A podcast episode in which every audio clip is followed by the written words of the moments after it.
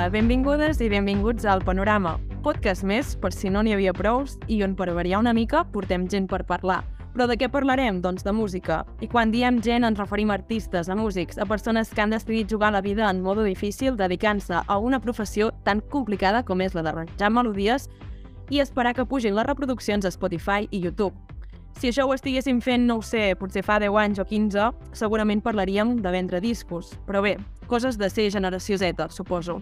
Jo sóc la Gemma Masó i trobo que he parlat molt en plural, bàsicament perquè això d'endinsar-me en el panorama no ho faré pas sola.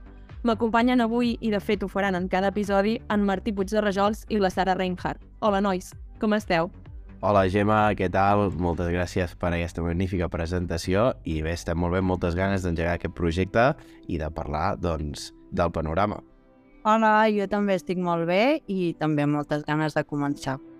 El panorama musical català ha estat sempre marcat per un seguit de propostes molt concretes d'estil pop-rock amb trompetes. Faig una mica de broma, però sí que és cert que sovint la música en català s'ha vist monopolitzada per un seguit de grups, majoritàriament formats per homes que no deixaven espai per l'emergència de les noves propostes musicals.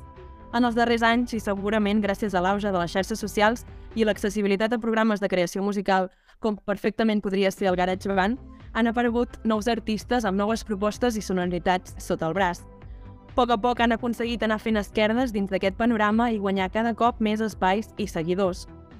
Nosaltres el que volem parlar amb ells sobretot és de la seva experiència, doncs, de com van començar a fer música i doncs, de tots aquells detallets que s'amaguen darrere d'aquestes cançons magnífiques. Els volem analitzar, buscar quins compassos fan servir, quines eines, quins plugins, quines tècniques i aquells sintetitzadors eh, tan magnífics que sempre hi ha al darrere. Però també els podrem conèixer a nivell personal saber qui són i com són aquests artistes que escoltem i que cada vegada estan més endins d'aquest món musical i de les nostres llistes de reproduccions. Podrem saber què escolten ells, quins són els seus referents, uh, si escolten les seves cançons quan una vegada ja han sortit, com és la indústria per dins i si poden viure de la música.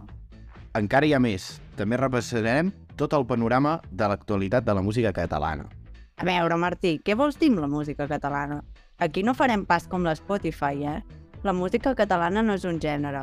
Sort que portem artistes d'estils ben diferents per demostrar-ho. Tot i que cantin en català, no comparteixen tots el mateix gènere. Sí, sí, sí, sí. Perdó, Sara, tens tota la raó. Aquí reivindicarem que la música catalana no és cap gènere. Vale, vale, Martí, m'havies espantat. Però ja que hi som, parlarem d'artistes que fan indie pop, però també d'altres que fan reggaeton o trap, i molts d'altres.